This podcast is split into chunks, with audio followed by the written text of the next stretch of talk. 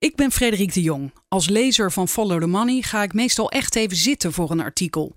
Verhalen waar zo lang aan gewerkt is, kun je bijna niet in vogelvlucht tot je nemen. Het liefste zou ik willen dat de redacteur naast me zat om uitleg te geven. En dat is nu het geval. Spreek hem eens in. Frederik vraagt door. De podcast van Follow the Money. I know you're gonna dig this. Arno Wellens, je artikel staat online. Waar gaat het over? huizen. Ehm, de onbetaalbaarheid van het huis. Ehm, hoe dat komt, wat voor gevolgen dat heeft. De samenleving, op mensen, gewone mensen die geen huis kunnen kopen, op banken enzovoort. Nou, dus dat. En de titel is Een eigen huis, een plekje onder water. Ja.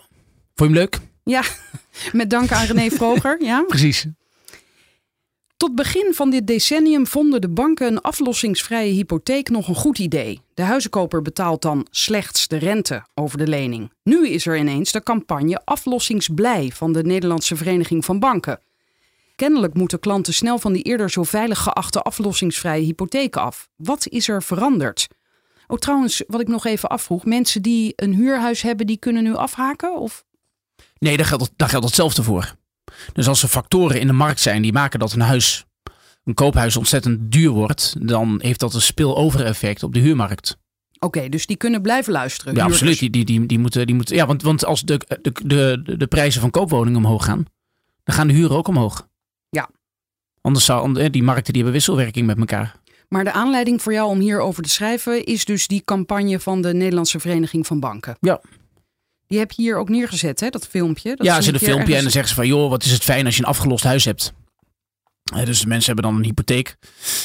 Ehm, en die lossen gedurende de looptijd niet af. Het woord een aflossingsvrije hypotheek is eigenlijk een heel misleidend woord. Want je moet altijd je hypotheek aflossen. Uiteindelijk bedoel je. Ja, precies. En nu zegt de Nederlandse Vereniging van Banken, ja, je moet toch tussentijds meer gaan sparen. Ik laat hem even een stukje horen. Dat is nou Ja, dat kan toch? Komt ie? miljoen Nederlanders hebben een aflossingsvrije hypotheek. U ook? Hoe gaat u die aflossen aan het einde van de looptijd? Steeds meer huiseigenaren weten dat al. En dat voelt goed. Dat maakt vrolijk. Aflossingsblij noemen we dat. Zie je allemaal mensen dansen in beeld. aflossingsblij. Ja. Bekijk de mogelijkheden op Vrouw met een aflossingsblij. tandenborstel, die is ook blij. Ja, en je ziet een, eh, een, eh, een, eh, een rasta meneer met grijs haar. Die is ook blij. Ja, dat is een mooie, mooie combi. Eh, ja, en die, eh, die is hartstikke blij dat hij zijn hypotheek gaat aflossen. Maar ik vind het, erg, ik vind het zeer ernstig. Ik vind het heel zorgwekkend. Waarom? Omdat eh, ons altijd is voorgehouden dat huizenprijzen altijd stijgen. Hè, dat is ook wat je ouders tegen je zeggen van joh, koop nou een huis, want dat is een goede investering. Huizenprijzen gaan altijd omhoog enzovoort. Maar dat is niet waar. Nee, maar wacht even. Dit is ons verteld voor de crisis van 2008. Ja, Nu wordt er toch wel iets anders gezegd door ouders, hoop ik. ehm, dat betwijfel ik. Oh, En ehm, als dat zo is, hè, laten we ervan uitgaan dat het wel zo is. Dan zit je altijd nog met die overkreditering uit het verleden. want? Omdat de, ehm, het is een cumulatief effect is. Dus je hebt een huis, hè, iemand verkoopt een huis is zeg maar 100.000 euro waard, redelijk. Nou, iemand verkoopt het aan iemand anders voor zeg 200.000 euro. Diegene moet een schuld nemen. Dus die persoon zal het huis nooit verkopen voor minder dan waar hij het zelf voor heeft gekocht. Willen verkopen. Willen verkopen, ja. Dus huizen, die zullen, huizenprijzen zullen altijd stijgen in waarde. Ehm, en op die manier heb je ge- gedurende de tijd, ja, creëer je een, eh, ja, een, een bubbel, een, een, een, een, een overtrokken eh, waardering eigenlijk op die huizen. En dat zit nog in die huizen en dat is er nog niet uit. Dus we kunnen nu wel zeggen, ja, eh, goh, hadden we eigenlijk niet moeten doen, zoveel aflossingvrije hypotheken. Nee, maar ze zijn er nog wel. Dus- Ja, maar daarom is er kennelijk die campagne om mensen die nog zo'n aflossingsvrije hypotheek hebben aan te zetten tot aflossen. Ja, maar stel nu eens voor dat je hebt een, je hebt een huis van 300.000 euro. Je hebt een middenklassebaan. En je hebt 300.000 euro schuld. En de huis loopt, eh, de hypothe- hypotheek lo- loopt nog 10 jaar. Hoeveel kun je sparen in 10 jaar? 3000 euro of zo? Ja, als je, Nee, stel, stel, stel dat je modaal... Ja, Drie, keer ja. 10 of zo. Drie keer 10.000? Nou, Ja, dat is eh, veel. ligt eraan hoeveel kinderen je hebt, wat je allemaal voor Ja. hobby's hebt. Dure hobby's. Maar oké, laten we zeggen, als je heel goed spaart, 10.000 per jaar? Ja, nou dan moet, je, dan moet je het heel goed doen. Maar oké, laten we nou zeggen dat, je, dat een hypotheek vijf keer zoveel is als de waarde van... eh, als je salaris, als je bruto salaris. Nou, een huis van 300.000 euro. Salaris is dan 60.000 euro. Dan haal je 3000 over per maand. Ehm, als je een situatie hebt waarbij je een partner hebt, kinderen die studeren eh, enzovoort, heel veel mensen zijn van je afhankelijk. Ja, hoeveel kun je met 3000 netto sparen? Dit is een illusie, bedoel jij? Dat is een illusie. Zo, zo inderdaad dat het 10% is. Ik denk dat dat veel is. Ja, dat is dat, eh, ja, dan is dat 3000 per jaar. Dus dat is 30.000 euro gedurende de komende 10 jaar. Alleen als we constateren dat de, de waarde van een huis, de vervangingswaarde om het te maken, als dat 100.000 euro is. Maar door schaarste, gecreëerde schaarste, is het huis 300.000 euro. En er komt een keer een klap. En dat huis gaat in waarde van 300.000 naar 100.000 euro. Ja, dan gaat die 10, 20, 30.000 euro gaat het verschil niet maken. Ik ga verder lezen. Ja, doe, doe dat maar. Dus misschien ook leuk even voor de, voor de lezer om dat te zeggen. Van joh, als je heel Nee, optimistisch voor de bent. eh, luisteraar, voor, hè? ja, voor, Oh, voor de, ben voor de de luisteraar. Sorry voor allebei. Ja, als je denkt, nou, ik voel me nu nog wel lekker. Ik, eh, ik zit lekker in mijn vel. eh, ik kijk naar buiten. Ik heb zin in het leven. Dan is dit een mooi moment om af te haken. Bij- deze podcast bedoel je? ja. Oh, het is heel deprimerend. nou, het is wel, er- zit hier wel een beer op de weg. Oké, we gaan even naar die eh, beer luisteren. Ongeveer de helft van de Nederlandse hypotheekschulden zit in een aflossingsvrije lening, waarbij gedurende de looptijd niet wordt afgelost.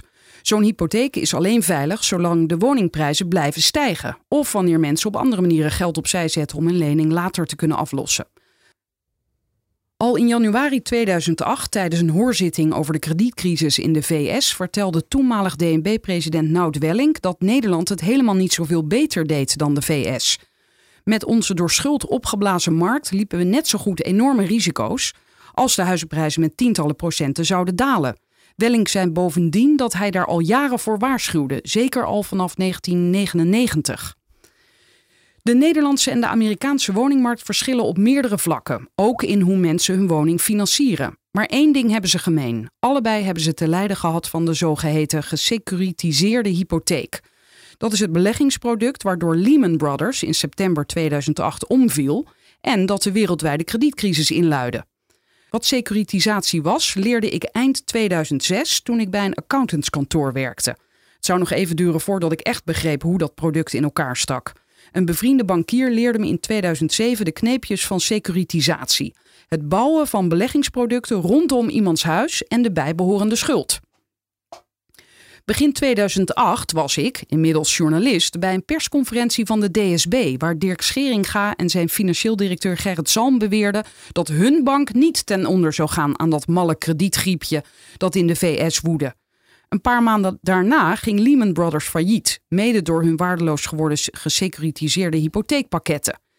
Scheringa's bank volgde een jaar later. Wat Wall Street in New York en de Dick Ketlaan te Wochnum gemeen hadden, gesecuritiseerde hypotheken.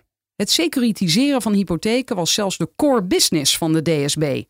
Snapte Scheringa en Zalm überhaupt iets van bankieren? Scheringa kon je zijn onkunde niet aanrekenen.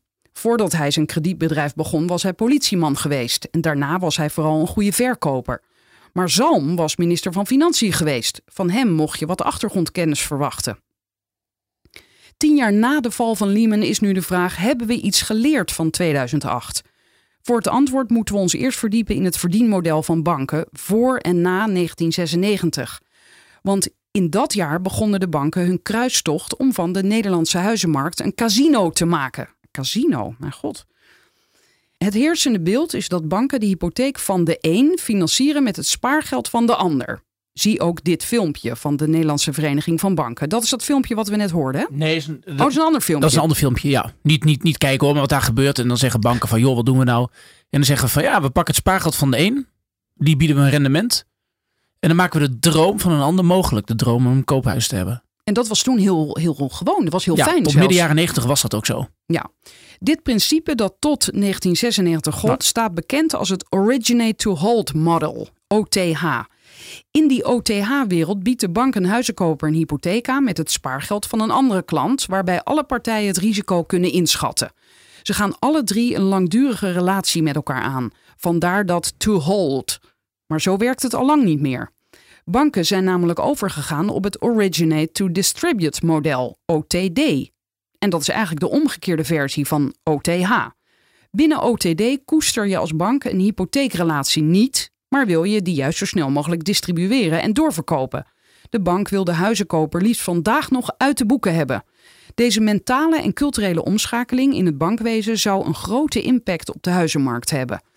Tot 1996 werd het volume van de Nederlandse hypotheekmarkt bepaald door de omvang van het vergaarde spaargeld. Zodra een bank geen spaargeld meer binnenkreeg, stokte de mogelijkheid om hypotheken te verstrekken vanzelf. Zo werd overkreditering door marktwerking beperkt, wat weer voorkwam dat de woningprijzen te snel stegen.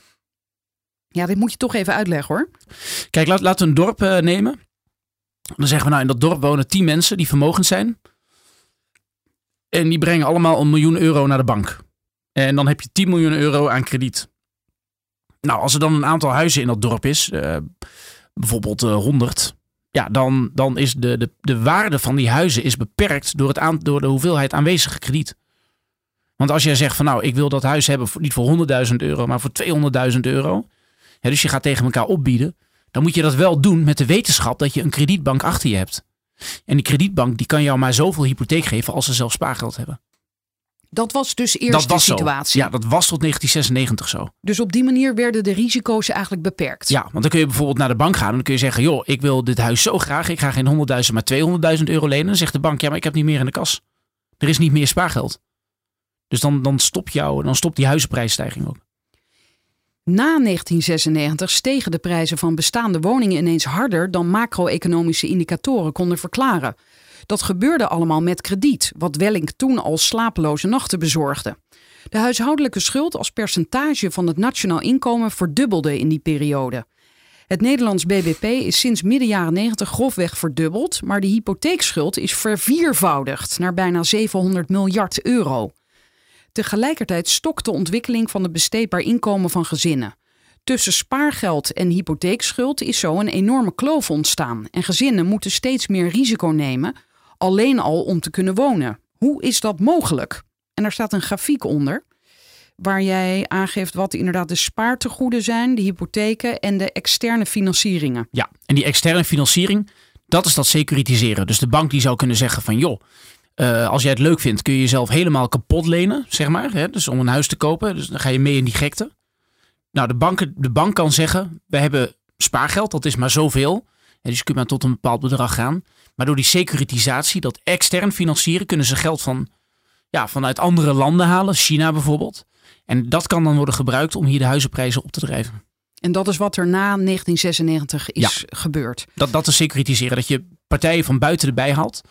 Zodat je hetzelfde huis wie, met meer Wie heeft dat bedacht eigenlijk? Uh, dat komt uit uh, Amerika. Dat heeft een aantal oorzaken. Het, uh, het, eigenlijk was het goed bedoeld. Dus je hebt in Amerika twee hypotheekbanken. Die noemen ze altijd Fre Freddie en, en, Fannie. Oh ja, Freddie en Fannie. Dat zijn de, de, de afkortingen. Freddie Mac en Fannie Mae. Mae. Ja. En dat zijn de ja, federale verzekeraars. Dus jij koopt een huis in Amerika. Um, en dan kan die, dat, die hypotheek kan worden doorverkocht aan een andere uh, beleggingsinstelling. En op die manier kun je ervoor zorgen dat meer mensen, ook in arme wijken van Amerika, een huis kunnen kopen. Het was goed bedoeld. Maar, uh, maar Freddie en Fannie uh, kochten juist die hypotheken op of zij verkochten ze door? Ja, ze, ze kopen ze op. En impliciet garanderen ze ze daarmee, omdat het overheidsinstellingen zijn. En dan verkopen ze ze door aan de markt. En dat bleek later niet te kloppen. Klopt. Ja, ze dus, konden niet garant staan eigenlijk nee, voor de mensen. Nee, ja. ze zeiden van dit zijn veilige hypotheken, want de, de, de, Amerikaanse overheid staat erachter. En heel veel banken dachten toen, en verzekeraars, van joh, als ik zo'n hypotheek koop van iemand. Ja, de, de, Amerikaanse overheid staat erachter. Maar toen puntje bij paaltje kwam, zei de Amerikaanse overheid, ja, we staan er wel achter, maar we garanderen het niet. Want we hebben onvoldoende geld ook. Om Precies, het, ja, en dat is Nederland ook zo. Je hebt de nationale hypotheekgarantie, maar dat is een fars, dat is een ponzi-scheme. Die gaat tot 1 ton, toch? Ja, er, er zit, een, er zit een maximum op. Ja, je kan nu tot 2,50 geloof ik. Kun je, okay. uh, um, dus, dat, dus in het, het, lagere segment voor de starters, uh, zullen we maar zeggen. Maar als, als, die, als dat wordt aangesproken op een gegeven moment, die NHG, ja, dan kan de overheid nooit aan voldoen. Er is, er is een fonds voor, maar dat is veel te klein. Jij legt het hier inderdaad ook uit, die securitisering. Jij zegt het antwoord zit hem in de financiële innovatie die we securitisering noemen. In 1996 werd volgens de gegevens van de Nederlandse Bank voor het eerst een hypotheek gesecuritiseerd en doorverkocht.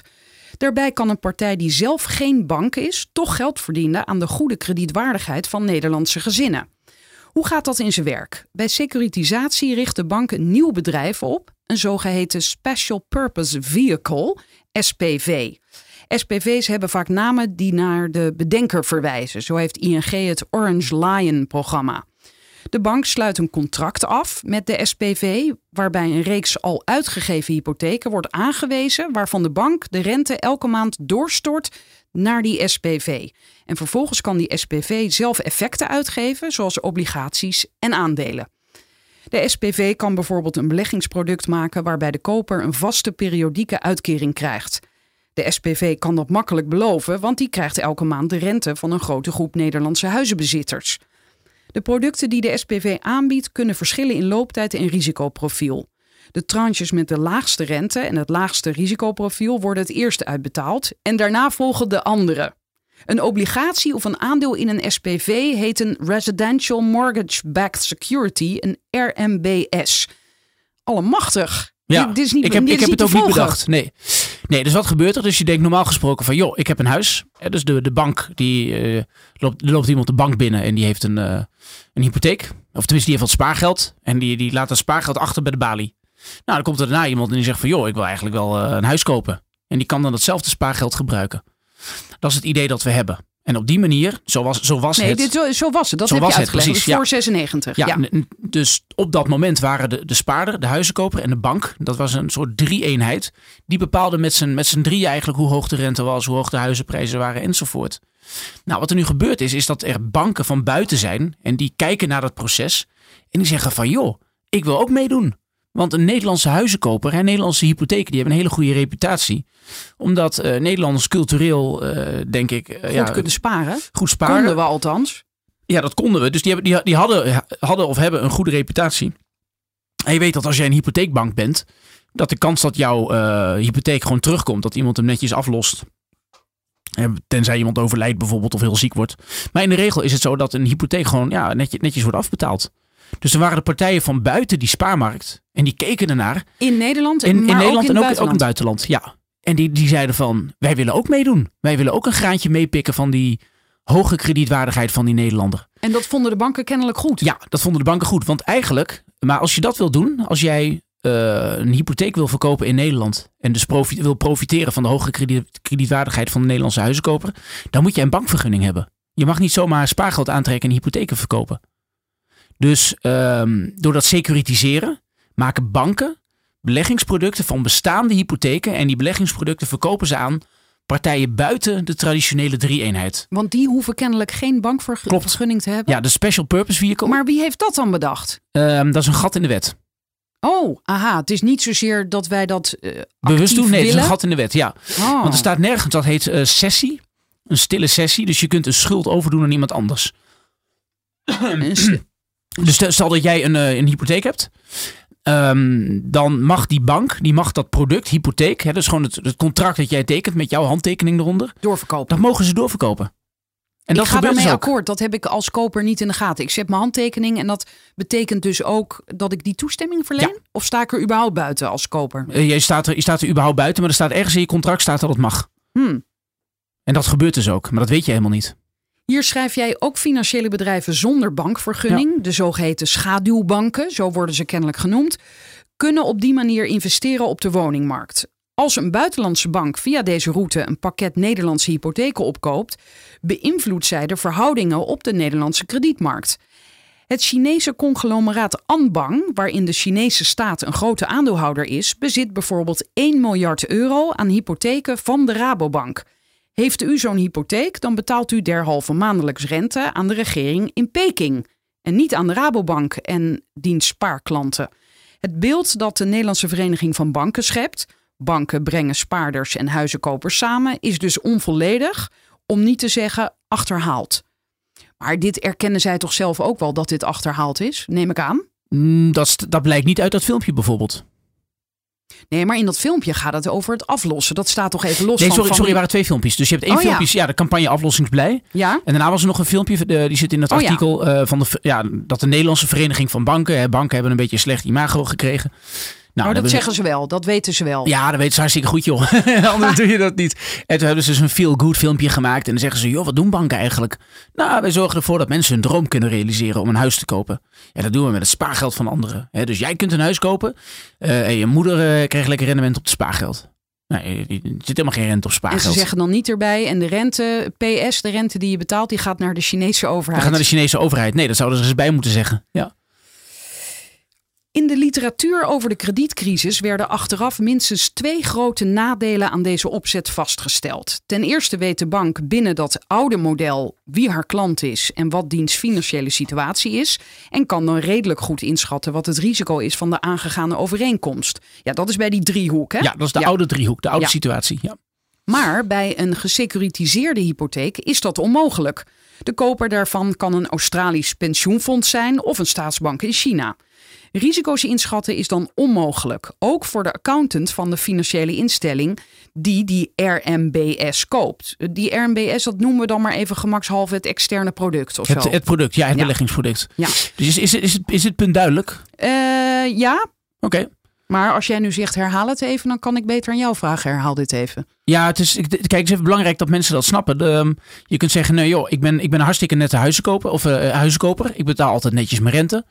Ja, of ik het nou aan Rabobank betaal, en die spaarklanten, of dat het ja, via de achterdeur van de bank naar de, naar de overheid van China gaat bijvoorbeeld. Of een Amerikaans beleggingsfonds. Dan kun je zeggen, ja, wat maakt dat nou uit?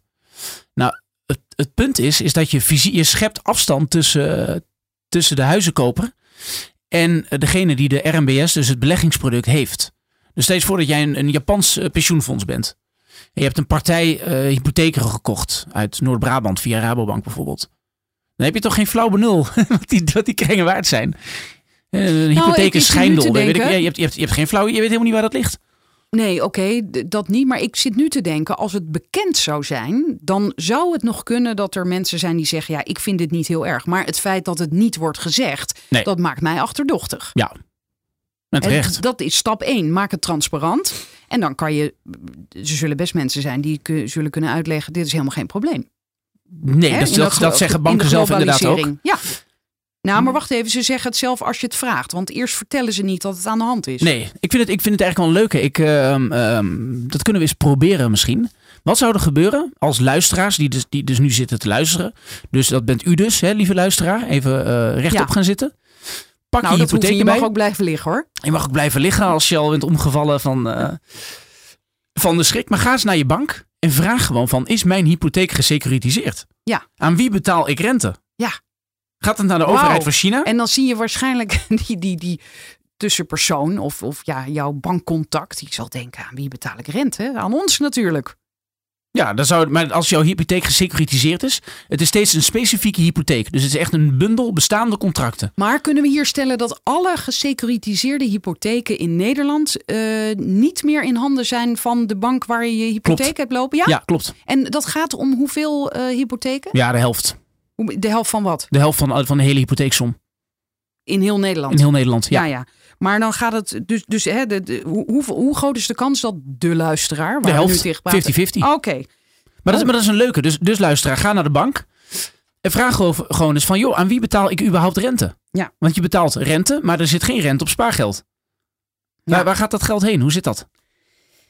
Waar was ik gebleven? Even kijken. Oh ja, die, die externe producten dus, ehm, die RMBS'en. Als de koersen van dat product wereldwijd stijgen, zonder dat iemand ook maar enig idee heeft wat er in die gestructureerde producten zit, dan gaan de koersen van alle RMBS'en omhoog. Banken en schaduwbanken maken dan een enorme winst, zij het op papier. Breekt er ergens paniek uit en storten er een paar van die RMBS'en in, dan ontstaat er een acute financiële crisis, zoals in 2008. Dat staat allemaal compleet los van de onderliggende huizen en de gezinnen die erin wonen. Die hebben geen idee van het casino om hen heen. Maar het grote voordeel van zo'n RMBS is dat de schaduwbank nu kan profiteren van de kredietwaardige Nederlandse burger. En dat was eerder alleen maar voorbehouden aan partijen met een Nederlandse bankvergunning. Vandaar de populariteit van die securitisaties. In 2007 controleerde ik als assistent-accountant een bank die een te grote positie in die RMBS'en had. Hun expert had eerst zijn eigen collega's uitgelegd hoe die moesten worden gewaardeerd en kwam daarna bij ons accountantsteam zijn meetmethode toelichten. En hij zei: Als je nu zus en zo doet, dan kun je die RMBS'en wel aardig begrijpen en waarderen. De accountants werden dus geacht de methode te gebruiken die de bank intern toepaste, namelijk kijken hoe soortgelijke beleggingsproducten het doen. En daarna kwamen zowel de klant als de externe accountants tot dezelfde conclusie. De RMBS-portefeuille was echt veilig. Dat was overigens de laatste keer dat deze instelling een jaarverslag kon inleveren. Oh, ondanks haar zonnige kijk op haar eigen overlevingskansen, sneuvelde de bank in kwestie door de kredietcrisis. Welke bank was dat? Ja, dat kun je wel raden. Maar ik ga het niet zeggen, want er zit een geheimhoudingsbeding Oh. enzovoort. Maar ja, je kunt, je, kunt, ja. je kunt zelf afvragen van hoeveel ehm, systeembanken hebben de kredietcrisis niet overleefd. Ja, Eh, dat is er maar eentje. Maar goed, dat ga ik dus niet zeggen. nee, zeg het maar niet. Nee. Ehm, en toen jij dit meemaakte, dat is dus jaren geleden, Ja. de- dacht jij toen ook, ja, dat is wel een goede manier om dit te waarderen. Ja, leek me allemaal heel logisch. Ja. Dat, dat is dus een self-fulfilling prophecy. Ja, dus stel dat je zegt, eh, nou, ik heb hier een, eh, er ligt hier een, een koptelefoon naast me. Stel dat ik naar buiten ga en ik zeg, deze koptelefoon is 1000 euro waard. En ik ga naar iemand toe en ik zeg, hey, 1000 euro, betaal maar. Nou, zou iemand zeggen, je bent helemaal knettergek, joh. Stel nu dat ik iemand zo gek krijg om voor 1000 euro die koptelefoon te kopen. Dan zal een normaal persoon zal dan denken van, oh, hij is dus wel 1000 euro waard. Laat ik er ook maar eentje kopen. Dus dan ga je dus handelen omdat je het ziet gebeuren tegen een bepaalde prijs. Je ziet dat een product tegen een bepaalde prijs wordt verkocht. Dus zal het wel zoveel waard zijn. Maar dus je kijkt naar de, naar de marktprijs. Dus zo kun je elkaar gek maken. Ja, maar dit, dit geldt natuurlijk voor heel veel producten. Ja, Zo- geldt voor alles. zo- Geldt ook voor bitcoin. Geldt voor aandelen. Bedenk het maar. Ja, maar ook voor auto's en, en kunst en alles. Ja. Ik bedoel, eh, ehm, zo, zo doen wij dat toch als mensen in ons systeem? Eh, ja en nee. Ehm, Wat de kijk, gek ervoor geeft? Nee, dat is een, dat is een misvatting. Dat is het, het, zeg maar het hyperkapitalisme, om het zo maar te noemen. Wat we de, ja, de laatste decennia ons hebben eigen gemaakt. Maar dat is niet de bedoeling. En het is ook niet goed. Maar Want- dit, dit zegt Arno Wellens nu? Of zeggen nee, dat zegt Adam? Smith. Dat Ah, zegt de, aha. Oh, de grote gelukkig. Adam Smith, de, de, de, dus de, de schrijver van het boek Wealth of Nations, hè, dus een boek uit 1776. Eigenlijk de grondlegger van, het, van de moderne economische leer. En hij zegt, ja kijk, het is heel leuk als prijzen van iets omhoog gaan. Maar waarom gaan prijzen omhoog? Omdat de schaarste is. Ja. En als die prijs omhoog gaat, dan wordt het voor meer, meer, meer, meer, meer aanbieders aantrekkelijk om een product aan te bieden, zodat ze in die schaarste duiken. Dat is marktwerking. Prijzen gaan omhoog. omlaag. Uiteindelijk wel. Ja. Dan gaat het naar een evenwicht toe. Maar een hogere prijs moet leiden tot meer aanbod. En hier gebeurt dat niet, omdat er woningnood is. Dus hetzelfde huis wordt gewoon steeds duurder. Maar er komen niet meer huizen bij, er is nog steeds woningnood. Daar gaat het fout. Dus dat is geen marktwerking. Een tweede aspect is de morele afstand tussen de huizenkoper en de bank. Een huizenkoper die de bank binnenstapt is niet langer de klant, maar het product dat aan de achterdeur van die bank wordt doorverkocht aan de echte klant, namelijk de schaduwbank. En dat heeft gevolgen voor de kredietverstrekking. Ja, dus, dus mensen moeten dat snappen. Als je een bank binnenloopt en de, de bankier zegt van eh, welkom beste klant. Jij bent niet de klant. Jij bent het product. Ja, dus als als je tenminste zo'n eh, securitisatiehypotheek hebt. Precies, je wordt aan de achterkant doorverkocht. Hè, dus als een, als een kip het slachthuis binnenloopt, dan kan die kip ook denken van... joh, ik loop hier naar binnen, de deur gaat open, het is lekker warm. eh, het is net schoongespoten hier allemaal van de vorige batch. Ik ben hier de, ik ben hier de klant, ik ben de kip. Nee, jij bent het product. Jij wordt opgegeten waar je bij staat. Dat is de- die bedenk ik ter plekke, ja. Binnen dat nieuwe model wacht zo'n bank niet totdat een huizenkoper zich aandient. De bankier gaat zelf op zoek naar nieuwe huizenkopers die hij een hypotheek kan verkopen. Met het bundelen van hypotheken en het verkopen via de SPV verdient de bank immers provisie. Zo simpel is het. In de VS spreekt men in zo'n geval van predatory lending. Hey, predatory, er zit iets van prooi in. hè? Ja, daarom. Eh, Van, vandaar Je bent een prooi, Ja. die kip, ja. Ja, je, precies. Je wordt, je wordt de, de bank binnengetrokken. Het is niet zo dat je denkt van, joh, ik heb een eh, leuke vrouw gevonden. Dat heb ik toevallig nu. Maar eh, laten we die eens even gaan bezwangeren. En gaan we, ja, gaan we een beetje ergens eh, wonen, weet ik veel. Hè? Dan eh, heb ik een hypotheek nodig. Zo gaat het niet. Het is niet zo... Ja, dus het is, je, wordt, je wordt getrokken. Die bankier die loopt... Het is niet zo dat je langs een bank loopt en denkt van... Maar oh, hallo, je moet nog wel gaan. zelf eh, gewoon naar binnen stappen. Hè? We moeten nou niet doen alsof de consument eh, echt willoos slachtoffer is, toch? Eh, een beetje wel. Want wat ga je doen? Je, je moet toch wonen ergens? Je bent wel, je bent wel nou, dat vind ik wel interessant. Eh, is het nog steeds zo dat de mensen, mensen denken eh, dat je moet kopen? Je kunt ook huren, hè? Ja, je kunt ook huren, maar bijvoorbeeld een sociale huurwoning nu in de stad, in Amsterdam. Dan heb je een wachttijd van negen jaar. Ja, maar we hebben ook luisteraars van buiten Amsterdam, hè? Nou heb je het ook. Nou, echt geen wachttijd van. Nou goed, anyway, maar... eh, je- Nou, het, het, het verschilt per regio. Ja. Maar in, een, in zijn algemeenheid heb je chronische woningnood. Duurt al, duurt al 70 jaar. Maar oké, laten we in ieder geval wel constateren dat de consument heeft ook nog gewoon een eigen wil. Nee, je hebt helemaal geen eigen wil. Dat is een illusie. Als je eenmaal die hypotheek eh, neemt, bedoel je? Ja, maar oké, maar stel je voor dat je dat niet gaat doen. Wat dan? Waar ga je dan wonen? Ja, dan ga je dus huren. Ja, maar die huurprijzen, Nee, die, die dan ga je ook heel veel betalen. Ja. Maar dan zit je niet vast aan zo'n eh, aan de rente die je moet betalen aan de Chinese overheid. Mooi wel, want kijk, het, het Nederlandse woord voor huur, en in het Engels is dat rent. Dat is bijna hetzelfde woord als rente, dat is geen toeval. Als je geld leent om te kopen, je huurt geld en dan koop je een huis. Dat is toch hetzelfde als dat je een huis huurt? Maar nu beweer jij dus dat wij allemaal geld betalen aan de Ja. Chinese overheid. Ja, het is niet, niet, niet alleen de Chinese overheid, het zijn meerdere partijen. Ja, oké, maar dit is even als ja, in, voorbeeld. dit, in dit voorbeeld, ja zeker wel. Want die, Maar dan, want die, want als dat zo is, dan is er geen ontkomen aan. er En is dan- geen ontkomen aan. Je, je ontkomt hier niet aan. Maar dan is het misschien, ik bedoel, dan, is het, dan kunnen we dus zeggen: dit is heel erg, maar we gaan er vrolijk mee door. We gaan er voorlopig vrolijk mee door. Want als je, dit, eh, als je deze rotzooi wil opruimen, ja, dat is geen leuke klus. Overigens zijn, als jij een professionele verhuurder bent, Vesteda bijvoorbeeld, of een woningcorporatie, dan kun jij ook securitisaties uitgeven. Want je hebt ook een product. Overal waar je een maandelijkse geldstroom hebt, kun je een gesecuritiseerde belegging maken. Dus je zegt als professionele verhuurder, je zegt ik heb hier een, een, een toren, een woonblok. Nou, er komt eh, van duizend mensen bijvoorbeeld, komt er elke, nou een grote toren maar goed. Ja, van duizend mensen komt er elke maand zoveel huur uit. Daar kun je ook een beleggingsproduct omheen bouwen. En dat gebeurt ook. Dus het verschil nu- tussen nu huren ben en ik ook kopen in- gedeprimeerd. Nu Ja. wil ik zelf afhaken als Ja, er, is, er, is, er is geen verschil tussen huren en kopen. Oké. Ook mensen die beter geen hypotheek konden nemen, worden door de banken aangespoord dat te doen. Dat was een belangrijke factor in de Amerikaanse subprime-crisis. Ook in Nederland zijn er duidelijk zichtbare signalen van te agressieve kredietverlening. Denk maar aan de DSB en alle schreeuwerige reclames met leen van Frisia. Dit is dus wel weer rond 2008. Hè, of ja, maar het, komt weer terug. De, als je, nu de, je ziet weer steeds agressievere leenreclames. Er zit nu al een tekstje bij van hey, geld lenen kost geld, hoor je altijd. Maar dat hoor je zo vaak dat het sleets wordt. Dus eigenlijk zitten we weer terug in de oude situatie. De securitisatie heeft na 1996 de Nederlandse huizenmarkt stevig beïnvloed. Die leunt niet langer op de aanwezige hoeveelheid spaargeld. Je kunt nu immers RMBS'en van bestaande hypotheken kopen. En dat verklaart waarom de hoeveelheid hypothecair krediet sinds 1996 veel harder is gestegen dan de economie. In 1995 bedroeg de huishoudelijke schuld in Nederland nog 145% van het besteedbaar inkomen. En in 2009 was die verdubbeld. Nu de economie aan het opkrabbelen is, verbetert de score. Maar bij een nieuwe crash zal die weer verslechteren. Ja, dit getallen doen het altijd slecht hè, in de Ja. audio. Nee, getallen doen het slecht. Maar wat mensen gewoon moeten weten is... Je had eerst een huis, eh, ja, laten we zeggen, Dorpstraat nummer 8 in Emmen. Misschien luistert iemand die in Dorpstraat nummer 8. dat, dat zou heel grappig zijn. Maar je hebt Dorpstraat nummer 8 in Emmen. Dat is, dat is gewoon een huis. En dat is een beetje geïsoleerd. En het is eh, hartstikke gezellig. Prima huis.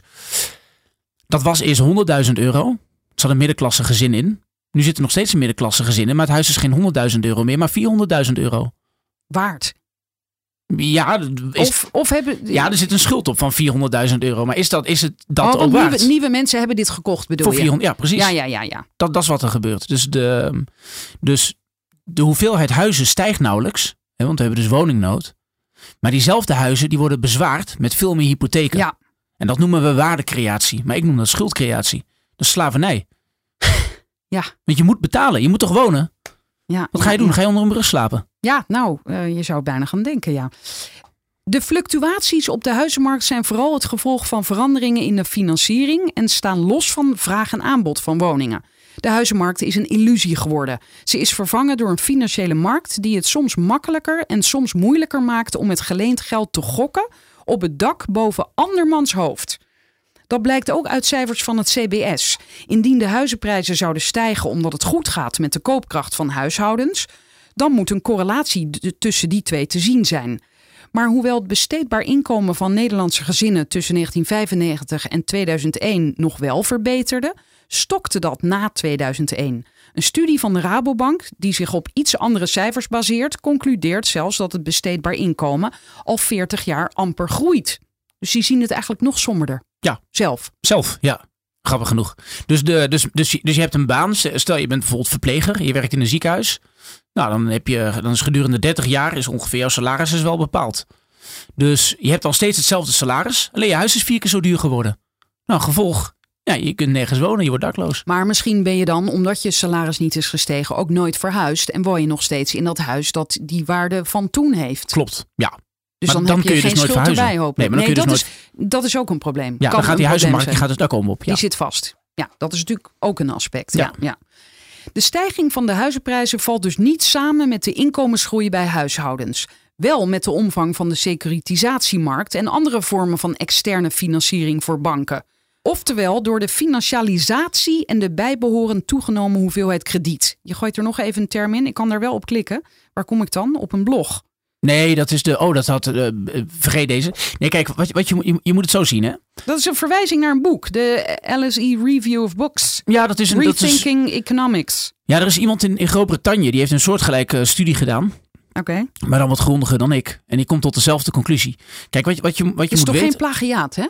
Nee, is geen plagiaat. Alleen in Nederland hebben we dezelfde situatie. En dat is op zich Nee, ik bedoel, je hebt het toch niet overgeschreven? Ik heb zeker, nee, nee, nee, ik heb het niet Oh, overgeschreven. Dit is de, maar hij komt, ik had het verhaal eerst gemaakt en toen dacht ik van ik ga eens Ja. kijken hoe dat in andere landen zit. Maar hij gebruikt die term financialisatie. Ja, dus, dus kijk, je moet het zo zien. Je hebt een huis en dan denk je, oh, dat huis dat heeft technische aspecten. Het heeft een bepaalde oppervlakte, er zit een soort materiaal in. Eh, de funde- fundering is van een bepaalde kwaliteit enzovoort. En als je zou willen, zou je dat huis gewoon opnieuw kunnen bouwen. Dan vraag, bel je een bouwvakker of een bouwbedrijf en dan zeg je, joh, maak eens hetzelfde huis. Nou, dat, dat, dat zijn waardefactoren die met het huis zelf te maken hebben. Alleen mijn punt is, is dat de waarde van een woning, hè, dus als, als Dorpstraat nummer 8 in Emmen. eh, ik hoop dat u nog steeds luistert, maar als, leuk als die, eh, maar goed, maar als Dorpstraat nummer 8 in Emmen, als dat huis eerst 100.000 euro waard is en het is nu ineens 400.000 euro, dan is dat niet omdat het huis vier keer zo groot is geworden bijvoorbeeld. Er is gewoon meer krediet beschikbaar. En dat drijft de, vervolgens de waarde van het huis. Nederland heeft een zeer hoge huishoudelijke schuld en is na Denemarken de Europees kampioen hypotheekschulden met 265% van het jaarlijks besteedbaar inkomen. Ter vergelijking, Duitsland heeft een score van 93%. En wij dus 265. Ja, dus, dus de gemiddelde Nederlander heeft drie keer zoveel schuld als de gemiddelde Duitser. Hmm, lekker. En dan zeggen we, ja, maar die, die Nederlander heeft daar een koophuis tegenover staan. En die dat Duitser dat is- niet dan? Ehm, ja, die heeft ook vaak een koophuis. Alleen die is niet zo, eh, eh, die heeft niet zo'n hoge waarde. En dat komt omdat de Duitse huizenmarkt, die wordt niet gekenmerkt door zoveel schaarste. Maar hij heeft dus minder schuld, die Duitser, maar ook een ook minder huis. Ja. minder huis. Dus Ja, dat, dat is dan een- weer nadelig. Nee, ja, het is, Nou het is ja. maar hoe je het ziet. Hij heeft ook gewoon een huis. Dus Ja. eh, een goede vriend van mij, Mark, leuk als je luistert. Die heeft, een, die heeft een huis met vijf verdiepingen in Duitsland. Dan woont hij met zijn vrouw en twee kinderen. Dan betaalt hij 700 euro. Heeft hij 200 vierkante meter met een grote tuin. Nou, voor 700 euro heb je 20 vierkante meter in Amsterdam. Ja. Dat is het verschil. Dus, en op dezelfde manier heb je, ja, voor, voor 1 euro heb je in Duitsland gewoon, gewoon veel meer huis. Optimistisch gesproken kun je zeggen, tegenover die schuld staat toch ook een bezit, te weten een huis. Maar huizen worden in Nederland net zo gewaardeerd als een RMBS. De waardering bij de laatste transactie bepaalt de waarde van alle soortgelijke objecten. Als in één blok huizen iemand zijn woning voor 10% boven de verwachte prijs verkoopt, gaat elk huishouden in dat blok er vervolgens vanuit dat ook hun vermogen met dat bedrag is gestegen. De marktwaarde van hun huis wordt bepaald door de waarde van de laatste transactie. Maar dat is een papieren winst. Ja, want dan zou je hem direct moeten verkopen. Juist en dan, gaat ja. het op. Maar niet. Ja, dat, dat, is, dat is het grote probleem hier. Dat is de marktwaardebenadering die we hebben. Dus inderdaad, wij, het is letterlijk zo als ik hier... Ik heb hier 100 eh, M&M's op een rijtje liggen. En die meneer die hier buiten voor de deur zit van de studio... die komt naar binnen en die zegt... ik betaal 100 euro voor die ene M&M op de hoek. Dan gaan wij ervan uit dat die 99 andere M&M's... dat die ook 100 euro waard zijn. Dus dat er daar ook gewoon genoeg gekke kopers voor zijn. Dat is hoe wij waarderen. Maar dat is, dat is, en vervolgens nemen we op die rare waarderingsmethode nemen we heel veel schuld. Maar kennelijk zit dit toch in de mens. Want we hebben die, die crisis van 2008 meegemaakt. Ja. En toen dachten we allemaal, oeh, we moeten echt oppassen. We moeten niet meer zo, zo gretig zijn. En we Ja. moeten echt goed nadenken. Maar wij zijn daar eigenlijk niet toe in staat, kennelijk. Nee, dat is een, eh, dan kom je meer op het eh, eh, biologische aspect. Ik heb daar niet zoveel verstand van. Maar in zijn algemeenheid kun je zeggen dat men gewoon stopt met leren. Ja, dus de lessen die we hebben getrokken, die negeren we. En dan Ja, gaan we gewoon dezelfde fouten maken. Ja. Ja, zeker als je dan denkt, hé, de buurman heeft zijn huis verkocht voor een miljoen. denk je, hé, hey, ik ben ook miljonair. Ja, Maar dat is dat is maar de een heerlijk gevoel. Ja, dan zijn er tien mensen om me heen die denken, oh, dat zou ik ook kunnen. Ja. En dan zijn we met z'n allen 10 miljoen waard. Ja. Zo, zo, zo rekenen wij. En dan gaan we naar de bank en dan zeggen we, mag ik zoveel geld lenen? En over die papieren winst zeg jij dan op die manier is al het Nederlandse vastgoed op dit moment 1,64 biljoen, biljoen euro waard. Ja. In 1997 was dat nog 497 miljard. Door steeds meer krediet beschikbaar te stellen, zorgden de banken ervoor dat Nederlanders steeds meer konden lenen voor hetzelfde huis. Het aantal huizen stijgt nauwelijks. Hetzelfde huis kan dus met steeds meer hypotheek verzwaard worden dankzij die securitisatie. Want daardoor werd een braaf woonhuis onderdeel van het internationale schaduwbankwezen. Nou, dan komen we bij een uh, blokje oververhitte koopwoningenmarkt. Uh, die gaat vooral over Amsterdam. Hebben we net al een beetje besproken natuurlijk. Oh, Rotterdam komt er ook in voor. Ja. Ja, wat vertel jij hier allemaal? De, over ja, ik, kan dus, ja, ik kan het ook uh, vertellen. Kijk, je moet het. ehm, kijk, als je meer huizen bijbouwt, dan is je bezit, het is die anderhalf duizend miljard, die biljoen, die, dat, die zou dan toenemen. Ja, als je, als je iets bouwt, dan heb je iets. Dat is heel logisch. Nou, de Nederlandse woningmarkt die neemt toe in waarde. Uh, maar dat komt niet omdat er meer huizen bij komen. En ik heb dus gewoon eens geprobeerd om in kaart te brengen, dus gewoon om uit te leggen hoe, hoe knettergek die woningmarkt is, met name in Amsterdam. Dus de, in de afgelopen drie jaar is de waarde van al het Amsterdams vastgoed is van 90 naar 140 miljard gegaan. Maar het is natuurlijk niet zo dat wij, hè, want van 90 miljard naar 140 miljard, dat is de helft erbij. Het is niet zo dat wij de helft meer woningen hebben gebouwd in die drie jaar. Dat zou helemaal niet kunnen. Dus er is 50 miljard aan waarde gecreëerd door gewoon 50 miljard, euro, 50 miljard meer schuld uit te geven. En kan je dan stellen dat het in ieder geval een goed geval is, uh, dat, of een goed idee is om huizen bij te bouwen? Wat, wat gemeentes dus proberen. Heel langzaam allemaal. Ja, want dat is een, kijk, als je die, als je die uh, schaarste op de, op, de, op de huizenmarkt, als je die zou bestrijden, als je die morgen hebt opgelost, dan wordt dat allemaal weer wat vlakker. Dan stort het allemaal in. Dat moet je vooral niet doen. Die huizen, dus de woningnood, het feit dat gewone mensen geen normaal leven kunnen leiden, niet ergens in de buurt kunnen wonen waar ze willen, dat moet je vooral in stand houden, anders storten de banken in. Ja, wacht even. Je spreekt nu namens, uh, namens wie spreek je nu eigenlijk? Ja, goede vraag. Uh, namens mezelf. Um, dus jij bent tegen het bijbouwen van huizen? Nee, je moet, je, kijk, je moet absoluut bijbouwen. Maar oh, ook wel? Een, ja, tuurlijk. Want uh, wonen is een eerste levensbehoefte. Laat dat even voorop staan. Wonen is een eerste levensbehoefte. Je moet zorgen dat er genoeg huizen zijn voor de mensen die ze nodig hebben. Daar zijn we het en over daar, eens. Daar zijn we nog lang niet. Daar zijn we nog lang niet. Alleen wat er in het verleden is gebeurd, is dat we op, op die schaarste hebben we allemaal financiële producten gebouwd. Ja. En op het moment nou, dat je. we, de banken De dus. banken hebben dat gedaan, maar daar hebben we met z'n allen aan meegedaan. Nou, ho ho, net zei je nog dat wij, de consumenten, dat helemaal niet in de gaten ja, hebben gehad. Kijk, dit, dit is een interessant ding. En dan moet je zeggen van wie is hier de schuldig aan? Um, toch doen we dat met z'n allen. Een van de, kijk, wat we bijvoorbeeld doen, is dat we hypotheekrenteaftrek hebben in Nederland. En dat verergert het. Nou, ik, ik en zou dat mee willen gaan door. dat je zegt, we, wij, als wij allemaal de overheid zijn, dan hebben we Ja, eraan meegedaan. precies. Maar Ja hoor. hallo, daar zitten nog wel wat stappen tussen natuurlijk. Ja, maar kijk, de, de Nederlandse samenleving heeft hier een Dat collectieve verantwoordelijkheid. Ja, ja, ja, we hebben het met z'n allen gedaan. We stonden erbij en we keken ernaar. Ja. Leen van Frisia. Heb jij al een hypotheek? Neem nu een tweede hypotheek. Dan kun je lekker je, je keuken verbouwen. ja. Ja, we zouden deze podcast voor dit keer natuurlijk kunnen laten sponsoren. Nee, dat is geen goed idee. Ja, hè? Nee, nee, niet door Dirk hè. Scheringa, want die had, die had eh, laatst ook weer een ding. Ging hij in bitcoin investeren, is ook alweer kapot. Dus eh, ja, deze Arno, aflevering is gesponsord echt- door nee, Dirk Scheringa. Nee, nee, nee, we dwalen echt af. Nee. De waardestijging van woningen heeft enorme gevolgen voor hun betaalbaarheid en daarmee voor de samenleving. Ja. Wanneer de inkomens stagneren en de leennormen aangescherpt worden, kan een doorsnee gezin zich simpelweg geen woning meer veroorloven. In 2013 stonden er nog 169.000 woningen te koop. Inmiddels is dat volgens de NVM ongeveer driekwart minder, namelijk 48.000.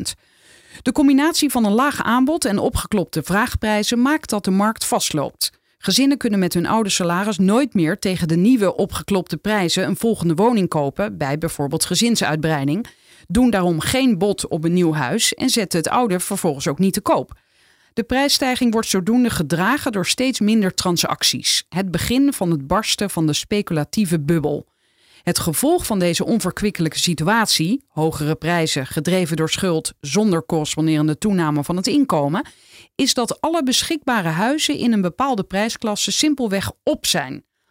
Het maatschappelijke effect van de onbetaalbaarheid is aanzienlijk. Scholen in de steden kunnen geen leraren vinden, zodat er sinds deze zomer gemeenteambtenaren voor de klas worden gezet.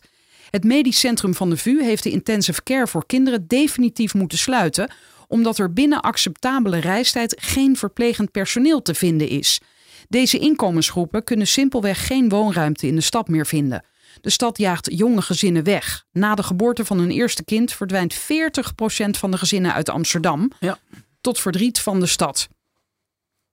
Ondertussen is al decennia een leegloop van het platteland naar de steden gaande. En vergrijst Nederland ook nog eens hard. De omvang van elke jongere generatie is kleiner dan die van de oudere. Maar huizen waarderen op marktwaarde is alleen zinvol als er ook in de toekomst voldoende potentiële kopers zijn. Met name het platteland zal voor problemen komen te staan wanneer die eerder zo geprezen aflossingsvrije hypotheken binnenkort aflopen. Het CBS neemt aan dat de Nederlandse bevolking de komende halve eeuw iets zal groeien. Een klein deel van die toename zal bestaan uit arbeidsmigranten die eventueel een hypotheekje zouden kunnen nemen om de markt draaiende te houden. Een ander deel van de bevolkingsgroei wordt verklaard omdat we steeds ouder worden. Zo zal het aantal 80-jarigen volgens het CBS tot 2060 verdrievoudigen. Prettig dat we zo'n hoge levensverwachting hebben, maar deze bejaarden zullen waarschijnlijk weinig langlopende hypotheken afsluiten. Als die aflossingsvrije hypotheek inherent riskant is, zoals de Nederlandse Vereniging van Banken nu zegt, waarom waren de aangesloten banken dan eerder zo enthousiast dat ze hem aan halfhuizenkopend Nederland verkochten? Wel nu, omdat een hypotheek waarop wel wordt afgelost zichzelf als het ware vernietigt. Met een aflossingsvrije hypotheek maakt een bank een product waar vooral de kopers op de financiële markten garen bij spinnen. Hoe langer het product meegaat, hoe beter. Het huis mag intussen echter niet in waarde dalen, anders ontstaat er een probleem. Ja, dit is, dit is in, ik vind dit zelf een belangrijk punt. Want kijk, je zou kunnen zeggen, je hebt een, hè, dus in de traditionele wereld heb je een. Uh, um, heb je de bank, de, spaar, de spaarder en de, de, de, de hypotheekgever, de huizenkoper. En die, die, die drie die houden elkaar in evenwicht. En als je gewoon heel redelijk bent en je kijkt gewoon naar de situatie van buitenaf, dan, dan zou je tegen die koperen moeten zeggen, als dat iemand van 25 is die een 30-jarige hypotheek neemt, je zou tegen die koperen moeten zeggen, weet je wat, ga tussentijds lekker aflossen. Begin daar vast mee. Dat is wat, dat is wat de bank zou moeten doen. Als de bank in het belang van de klant zou handelen, van de, van de huizenkoper, dan zou je dat zeggen. Want dan voorkom je overkreditering. Als er uh, onverhoopt wat gebeurt, huis moet met spoed worden verkocht. Maar dit wordt ik wat, nu dan toch heb je gezegd in dat filmpje? Wordt ja, het toch achteraf. aangeprezen? Ja, oké, maar eh, kijk, eerst dachten we daar met z'n allen, kom ik even terug op die samenleving van jou, dachten we er anders. Ja. ja. nee, ja, dit is een voortschrijdend inzicht. Ja. Daar hou ik altijd wel van. Nee, dat is, dat, dat is ook en zeker dan is zo. het dan misschien laat, maar beter later Ja, nooit. precies. Dat- Oké, dan, dan moeten we het zo zien inderdaad. Maar destijds, dat, dat is waar. Dus beter later nooit. Maar we hadden toen eigenlijk moeten zeggen van het is beter voor jou, huizenkoper. Nee, oké, maar dat is allemaal gebeurd. Maar Ja, vanaf maar nu die- die wordt dat bank dus die wel denkt gezegd. Ja, dat wordt nu wel gezegd. Maar die bank die denkt dus, en dat is belangrijk om te weten, die bank denkt niet in het belang van de huizenkoper. De huizenkoper is de kip in het slachthuis. De huizenkoper is het product. En als je een hypotheek hebt waarop wordt afgelost, dan verdwijnt die hypotheek als het ware. Maar als je kunt zeggen, nou, ik heb hier een hypotheek, iemand gaat 30 jaar lang het maximale bedrag betalen, dan wordt het als beleggingsproduct interessanter. Ja. Dat is wat hier gebeurt. Dus er wordt, er wordt gekeken van hoe maken we van de eerste levensbehoeften een zo interessant mogelijk beleggingsproduct. En we kijken niet zozeer naar de behoeften van de huizenkoper. De meeste hypotheken hebben een looptijd van 30 jaar en in 1996 begonnen Nederlandse banken met het securitiseren van hypotheken. Ze creëerden zoveel mogelijk aflossingsvrije hypotheken. Vanaf 2028, 30 jaar nadat die securitisatie een vlucht nam, zullen deze hypotheken aflopen. Of de huiseigenaren hun hypotheek dan metterdaad kunnen aflossen, is maar zeer de vraag. En daarom heeft de Nederlandse Vereniging van Banken gelijk met haar stelling dat deze mensen meer moeten sparen. Dan hebben ze tenminste geld achter de hand om de tekorten te dekken wanneer hun huis straks bij verkoop veel minder waard blijkt te zijn dan waarvoor het nu in de boeken staat. Er wordt weliswaar minder gesecuritiseerd dan tien jaar geleden. Maar ook de klassieke RMBS'en zijn ruimschoots te koop. Ja, die hebben we al even een tijdje niet voorbij horen komen. Dat zijn De dus RMB externe Dat is het beleggingsproduct. Ja, het beleggingsproduct op je huis. Ja, en die zijn volgens jou ruimschoots te koop. Neem bijvoorbeeld de Storm-serie van de Rabobank. Heet dat de Storm-serie? Ja, Oké. Purple Storm, Green Storm, weet ik Oh, veel. Ik weet ook niet waarom ze het zo noemen. Een programma waarbij 100 miljard euro aan hypotheken wordt gesecuritiseerd. Een van de betrokken SPV's, dat is zo'n zo'n bedrijf wat zo'n bank Ja. dan opricht. Hè? Ja, dus, dus het- de SPV, het bedrijfje, geeft het beleggingsproduct uit. Ja, en één daarvan heet, zoals je net ook zei, Purple Storm BV. En heeft een balanstotaal van 1,3 miljard. Er worden obligaties uitgegeven in vier tranches, elk met een eigen risicoprofiel en rendement voor de belegger. Voor 99,5% van het balanstotaal. Dus je bedoelt, bijna alles wordt iets, iets eh, Ja. belegbaar. Ja, Nee, precies. Dus, dus, dus wordt verkocht. Ja. Ja, ja, ja. Als er uit de rente van de huizenbezitters nog iets overblijft, gaat dat naar de beleggers in de Z-tranche. Standard Poor's heeft daar geen rating voor afgegeven. Het is dus een speculatieve belegging in eigen vermogen. Dat hebben ze goed afgekeken van Lehman Brothers. Ja, ja, de bank die is omgevallen. Ja. Dus wij doen dat precies weer. Dat vind ik het interessante. Maar dat geldt alleen, die Z-tranche is een van die vier tranches. Ja, Dus dat is de de, meest risicovolle. ja. Ja. Dus je moet het zo zien. Hè? Dus in de oude wereld, je hebt de, de heilige drie-eenheid, de huizenkoper, de, de spaarder en de bank. En eh, dan is er een vierde partij, dat is bijvoorbeeld de Chinese overheid. En die zegt van, joh, ik wil meedoen op die, eh, in, in die Nederlandse huizenmarkt. Mag niet. Nou, en dan maakt Rabobank dus beleggingsproducten. Hè? Want die Chinese overheid heeft geen bankvergunning voor Nederland. Dat zal niemand verbazen. En de, de Rabobank maakt dus beleggingsproducten die ze verkopen aan de Chinese overheid. En die maken ze rondom jouw rente. En, en, en dat, eh, ja, die programma's die hebben allemaal een, een leuke kekke naam. En dit is dus de Purple Dus Storm. even terugkomend op de luisteraar die misschien inderdaad met zijn bank gaat bellen of mailen om te vragen: Goh, aan wie betaal ik eigenlijk Ja. rente? Dan kan je dus ook nog vragen: en in welke tranche zit ik? Ehm, of niet? Ja, dat is, dan gaan we. In principe is dat niet ver. zo. Dat gaat, dat gaat wel heel ver. Het is zo dat eh, binnen een bepaald product, hè, dus binnen bijvoorbeeld de Purple Storm serie, betalen eh, een x aantal mensen, duizenden mensen, die betalen allemaal geld. Dat stoppen ze in een bak. En uit die bak worden eerst de veilige beleggers betaald. Die krijgen de laagste rente en dan, en dan de iets risicovollere en de iets risicovollere eh, producten. Dus je betaalt met z'n allen eerst Ja, degene die dus het, het is te veel gevraagd om eh, van je misschien- bank te willen weten dat je, of je bij, bij welke kleurstorm je zit. De purple of de Ehm, orange. dat, zou je, dat zou je wel moeten kunnen Oh. vragen. Maar je kunt niet vragen in welke trance je zit. Dat weet je niet. Oké. Het is, ehm, ja, het is let- je moet het letterlijk zien als een, een emmer water die je over vier. eh, ehm, ja, Wat ga je nu weer verzinnen? Nee, maar dit, dit is een, een metafoor die wordt, wordt heel vaak gebruikt. Stel je voor, ik heb hier vier glazen staan. En ik heb een emmer, of ik heb een, een fles water. En in theorie moet die fles water genoeg zijn om die vier glazen te vullen. Maar ik begin eerst met glas A, dan B, dan C en dan D. Dus als er niet genoeg geld is, niet genoeg water, om alle vier de glazen te vullen, dan krijgt glas A, dat zit dan wel helemaal vol, maar glas D niet. Dat is Ja. het. En zo werkt het ook met die beleggingsproducten. Dus de rente wordt gebruikt eerst om product A af te lossen, dan B, dan C. En als er nog geld over is, dan gaat het naar D. En D is dus speculatiever en dan kun je een hogere rente vragen. En zo, zo bouwt Rabobank beleggingsproducten rondom jouw huis. En inderdaad, ik zeg het nog maar een keer, lieve luisteraars. Ga naar je bank en vraag van, doe ik hier aan mee? Waar gaat mijn geld heen? Ja. En dan schrijf je hier van de hypotheken bij deze SPV is 55% aflossingsvrij. En dat is meer dan het landelijk gemiddelde. De grootste concentratie van Purple Storm bevindt zich in Noord-Brabant. Aanvankelijk was bij 44% van deze hypotheken de schuld hoger dan de waarde van het huis. Bij een kwart van de hypotheken bedraagt de schuld meer dan 4,5 maal het inkomen van de aanvrager. En bij 2% is die zelfs zeven keer zo hoog. Rabobank noemt in een reactie dat er niets illegaals is aan deze constructies.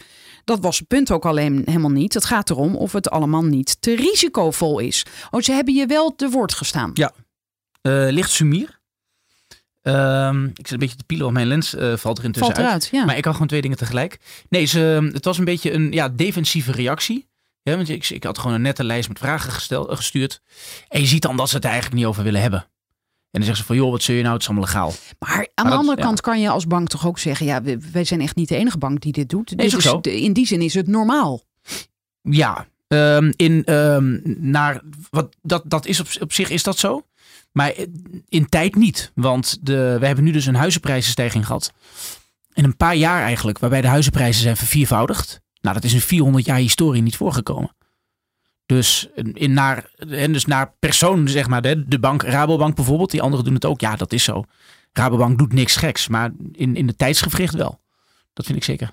Toch heeft securitisatie recentelijk aan populariteit ingeboet. De omvang van de securitisatievehikels in Nederland is in de afgelopen tien jaar volgens de gegevens van de Nederlandse Bank geslonken van 310 miljard naar 180 miljard euro. En sinds ongeveer 2008 heeft een ander gestructureerd financieel product aan populariteit gewonnen, namelijk de covered bond, oftewel de gedekte obligatie of pandbrief.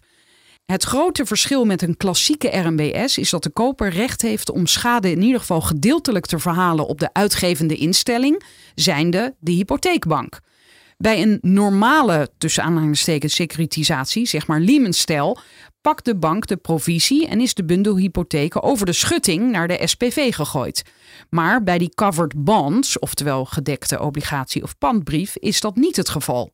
Verder lijkt het prospectus van een CB covered bond verdacht veel op die van een RMBS. Er is een uitgevende instelling, een SPV, die eigenlijk het verlengstuk is van de bank, en er kan getrancheerd worden enzovoort. Als die RMBS'en niet zo populair meer zijn, wie koopt die vervangende CB's dan? Hun charme wordt vergroot doordat CB's worden behandeld als staatsobligaties. Een bank mag ze naar hartelust bij de ECB, de Europese Centrale Bank, parkeren, die daarmee een deel van het kredietrisico op zich neemt. Inmiddels heeft de ECB via twee afgeronde programma's voor 8,5 miljard aan CB's in de boeken. De ECB kan dit in theorie zonder enig maximum doen. Net als bij Griekse staatsobligaties hoefde de ECB maar aan te kondigen dat er een opkoopprogramma zou komen en de markten reageerden al positief. Of het programma een jaar later of pas twee jaar later effectief wordt, dat maakt niet zoveel uit. Op die manier worden banken aangemoedigd om via CB's meer krediet te verstrekken en versterkt de ECB het OTD-model. Dat is dat nieuwe model, zo gezegd. Lokale Europese banken kunnen nu hypotheken verpakken en naar de balans van de ECB verplaatsen. En die ECB heeft overigens ook al 27 miljard aan klassieke RMBS in de boeken staan. Dat levert een bijzondere spagaat op. De ECB schrijft in meerdere analyses dat in de aanloop naar de kredietcrisis de wedijver om rendementen binnen het bankwezen te agressief was. En de securitisatie was daar expliciet onderdeel van. Om de gevolgen van de crisis te dempen, voert de ECB een beleid van monetaire verruiming, waarbij ze precies diezelfde RMBS'en en CB, CB's van de balans van de banken trekt. Kunnen wij dit nog volgen? Ja, wat kijk, als je mensen vraagt van joh, hoe komt die kredietcrisis nou? Dan zegt iedereen van, nou iedereen weet wel dat de kredietverlening wat te agressief was. dat zegt iedereen, ja de banken die waren te roekeloos enzovoort. Nou, wat is nu een aspect van die roekeloosheid? Dat is onder andere dat securitiseren. dus je hebt gewoon een, uh, een of ander gezin. Dus we hebben Henk, ik neem aan dat hij Henk heet. Die, zit, die woont dus in, uh, op Dorpstraat nummer 8 in Emmen. En die, die, ja, die betaalt gewoon zijn hypotheekje, weet hij veel, is een bouwvakker. En er wordt daar ineens een heel beleggingsproduct omheen gemaakt. Zonder dat degene die in dat huis woont ook maar een idee heeft van wat er gebeurt. En dan zeggen we, nou, dat is dus die securitisatie. Dat is die te agressieve kredietverlening. Dat is dat banken producten gaan maken die eigenlijk niet te waarderen zijn. Waarvan het risico ook eigenlijk niet te snappen is. Te, te, te, te becijferen. Nou, en zo is die kredietcrisis ontstaan. Dat zal iedereen ongeveer wel beamen. Banken maakten dus de moeilijke producten en werden daar te roekeloos mee. Nou, en wat is nu dus onderdeel van de oplossing van de kredietcrisis? Namelijk dat we gaan securitiseren. Een, nieuw product dat moeilijk uit te leggen is en dat eigenlijk niet in te schatten is uh, qua risico. Ja, dus stel je voor, je hebt iemand die is uh, knetterlam, die heeft te veel gezopen en die gaat vreemd. En dan uh, gaat zijn vrouw bij hem weg. En dan ga je hem opzoeken en dan zeg je, oh wat vervelend joh, borrel. dat is eigenlijk precies wat we hier doen. Dus we hebben dus een, een, de nasleep, we hebben een kater van een crisis. En om dat op te lossen, pakken we het product dat aan de grondslag lag van die crisis. En dat doen we overigens ook met de euro. Dus met Europese schulden. Um, de nee, Europese... wacht, stop. Want nu, nee, we moeten even bij dit verhaal blijven, nou, anders kunnen we het helemaal niet meer volgen. Jij zegt hierover, de officiële lezing van de ECB is dat zij CBS'en en RMBS'en koopt om de economie te stimuleren. Maar inmiddels weten we dat geld dat middels monetaire verruiming is gecreëerd, nooit het echte bedrijfsleven bereikt. Zulk geld zorgt vooral voor speculatieve bubbels, zoals op de Amsterdamse huizenmarkt. Al deze ontwikkelingen samen maken dat Nederland in 2018 niet idioot veel verschilt van de VS in 2008. Met inzet van exact dezelfde financiële instrumenten is de schuld op huizen voor gewone mensen onbetaalbaar geworden, wat een onhoudbare situatie is. De terugloop in securitisaties na de val van Lehman wordt opgevangen door covered bonds en de prijzen daarvan worden kunstmatig hoog gehouden doordat de ECB er deels garant voor staat. De wijdverbreidheid van het probleem wordt mooi geïllustreerd door de financiële producten die Nederlandse bedrijven aanbieden. Wie een aandeel of obligatie aan beleggers wil verkopen, moet zich registreren bij toezichthouder AFM. In haar openbare overzicht van beleggingsproducten valt precies na te gaan welke nieuwe investeringsmogelijkheden er in Nederland te vinden zijn. Gaat er misschien een nieuwe medicijnfabrikant, energieleverancier of softwaremaker naar de, naar de beurs? Of lekker hip een nieuwe duurzame foodketen? Helaas, het betreft vrijwel uitsluitend handel in tweedehands hypotheken, hetzij via klassieke securitisatie, dan wel via covered bonds. Het financiële waterhoofd dat boven de Nederlandse economie hangt, is er sinds 2008 niet kleiner op geworden. Integendeel. Maar met hangen en wurgen kunnen we het noodlot nog wel even uitstellen. Misschien wel tot zo rond 2028. Dus eh, je- hier eindigt je artikel, maar jij zegt met zoveel woorden: de, de klap gaat zeker komen. Ja. Want er zijn simpelweg niet genoeg kopers voor al die huizen. Maar even terug naar wat je hier zegt, van de, even naar de beleggers, mensen die Mhm. dus willen beleggen, die hebben kennelijk ook vrij weinig keus. Die komen snel uit bij die hypotheken. Die- Je bedoelt... Die eh, covered bonds. Ja, en dat, die, is, dat, is, dat is heel raar. Dus de, ik, op het moment dat ik dat artikel schreef, had ik het nog even gecheckt. Dus van de laatste 200 producten, 200 beleggingsproducten die Nederland heeft uitgegeven, hebben er 199 betrekking op. Echt? En er Dus- zat, dus één, en er zat één bedrijf bij die, een, eh, die wilde een nieuw medicijn maken. Medicijnfabrikant die wilde geld ophalen en die gaf dus een beleggingsproduct uit. Nou, dat is een echt ding, weet je wel. Dat is een, dan, dan wordt er echt iets gemaakt. Iets. Maar het is toch niet hebt. zo dat als je, ergens, als je nu ergens in wil beleggen, dat je dus. Dan, dan heb je bijna geen keus, dan kan je alleen maar daarin beleggen. Dat is toch niet waar? Nou, als je uit de nieuwe beleggingen wel. Ja hoor, zeker wel. Nou, je kunt altijd nog een oud aandeel kopen. Hè. Je kunt altijd zeggen, nou, ik geef een aandeel dat 50 jaar geleden is uitgegeven. Je kan een aandeel Heineken kopen, ik noem maar wat. Maar als je zegt, nee, ik wil iets, ik wil iets kopen dat dit jaar is uitgegeven. Dan zijn het alleen maar hypotheken. Alleen maar producten gemaakt rondom huizen. En wat zegt dat? Ehm, dat zegt dat de, eh, dat de huizenmarkt eigenlijk niet bestaat. Niet bestaat Er zelfs. bestaat geen huizenmarkt. Hoe bedoel je? Ehm, de prijs van een huis wordt niet bepaald door technische factoren. Die te maken hebben met dat huis zelf. Niet meer door gewoon simpel vraag en aanbod, Nee. bedoel je? Heeft er niets mee te maken. Maar enigszins toch nog wel? De, de vraag van een, de, de waarde van een huis wordt bepaald door de mate waarin de financiële sector, de Lehman Brothers van de wereld en de Rabobank, waarin zij in staat zijn om jou een maximale plofhypotheek te geven. Ehm, dus je ziet ook dat de huizenprijs in 2008 daalde, die in 2019. En dat kwam omdat je toen een bankencrisis had. Dus als de banken eh, even griep hebben en ze zijn niet in staat om, de, om nog meer krediet, nog meer krediet, nog meer krediet, die huizenmarkten op te smijten, dan, daalt, eh, de, de, dan dalen de huizenprijzen. En omdat de ECB heeft gezegd, weet je wat, dat bankwezen is op sterven na dood. Dus wij gaan die taak wel overnemen. Dus wij gaan nu heel veel geld in de economie pompen. Vanaf dat moment zie je dat die huizenprijzen weer stijgen. En jij Maar dat staat, eh, los, steeds, staat eh, allemaal los van, van echte demografische factoren. Hoeveel mensen zijn er? Is het een mooi huis? Waar staat het? Eh, enzovoort. Heeft er niets mee te maken. is allemaal kunstmatig. Dat is allemaal kunstmatig. En ja. je noemt steeds de Rabobank, maar dit geldt voor alle Nederlandse ja, ja, banken. tuurlijk. Ja, de Rabobank is ook niet de. Alle, alle banken doen dit, ja. Tuurlijk. Ja, je zei al aan het begin, als mensen nog een vrolijk leven willen hebben, dan eh, moeten ze niet gaan luisteren. Nee, nee precies. Maar de mensen die tot nu hier zijn gekomen, het Eh, einde, daar zijn ja, we dus, bijna. Dus, dus Henk van den Tillaert uit eh, Dorpstraat nummer 8 in Emmen. Ja, ik hoop, dat je, ik hoop dat je nog luistert. Ja, nee, maar kijk, dit gaat dus wel... Kijk, je kunt, je kunt, het, je kunt het onheil een tijdje uitstellen. Je kunt jezelf voor de gek houden. En Je kunt met hangen en wurgen kun je, kun je de bal een tijdje hoog houden.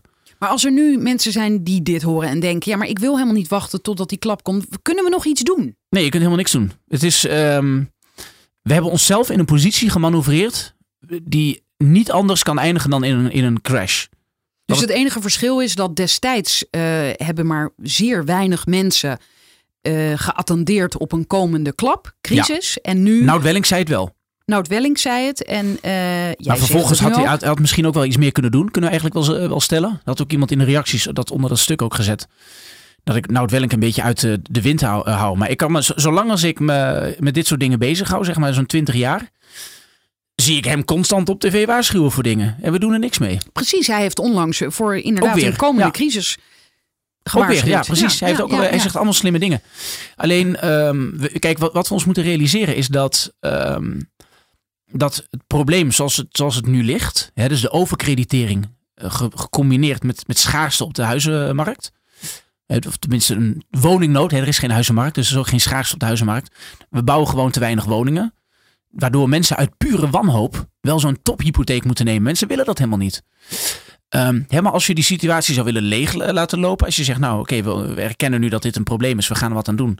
We gaan A, bijvoorbeeld voorkomen dat die huizenprijzen nog verder stijgen. We gaan meer huizen bijbouwen.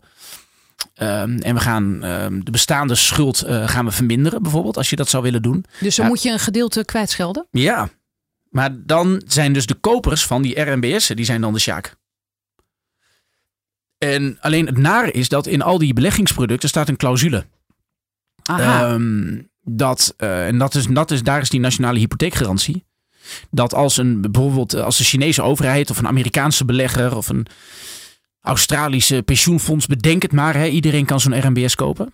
Als daar sprake is van een default, omdat mensen hun hypotheek niet meer kunnen betalen door problemen, bedenk maar iets, dan dekt de Nederlandse overheid dat.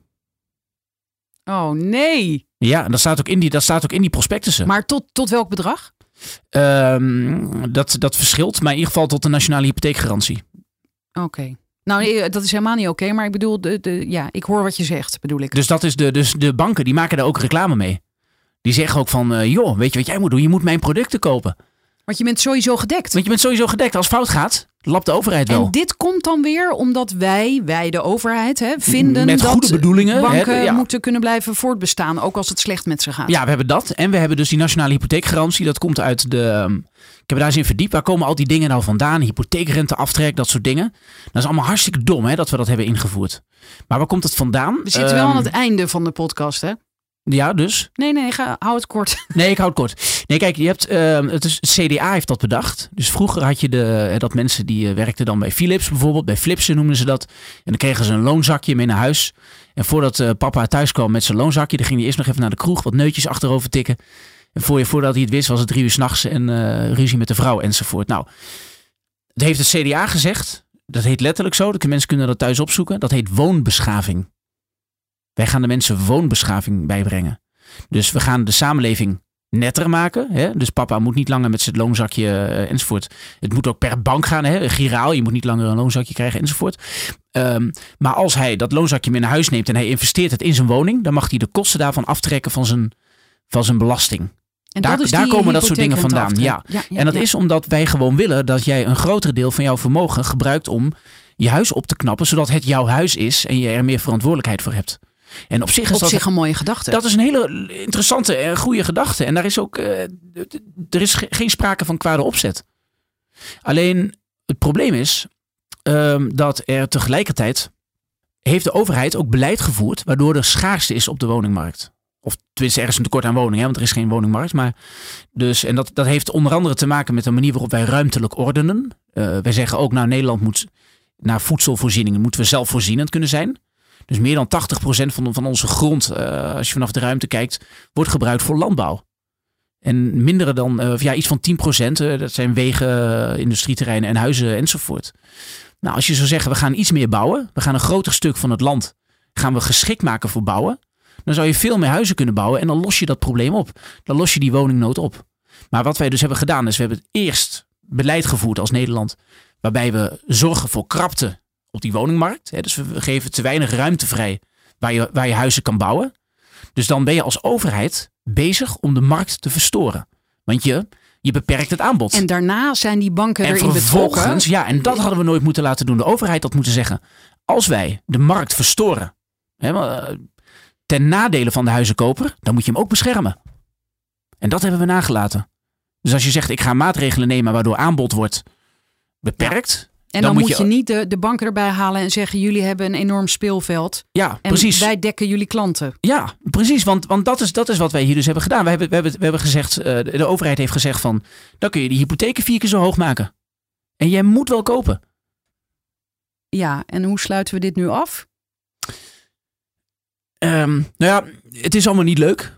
Maar als we hier gewoon het over hebben, collectief wakker worden, ehm, dan kunnen we de problemen oplossen en bespreekbaar maken. Dus eh, het is niet de leukste uitzending misschien dit. En mensen zullen zich misschien slechter voelen dan eh, aan het begin van de uitzending. Maar nu hebben we het erover en nu moeten we dus gewoon ga- gaan denken in oplossingen. Je houdt jezelf voor de gek. Als je nare boodschappen niet wil horen, je moet ze wel horen, dan kun je de problemen oplossen. En het wordt tijd dat we dat gaan doen. Dank je. Welcome. Wil je weten wanneer een nieuwe aflevering online staat? Schrijf je in voor mijn nieuwsbrief. Die vind je bij ftm.nl/slash Frederiek.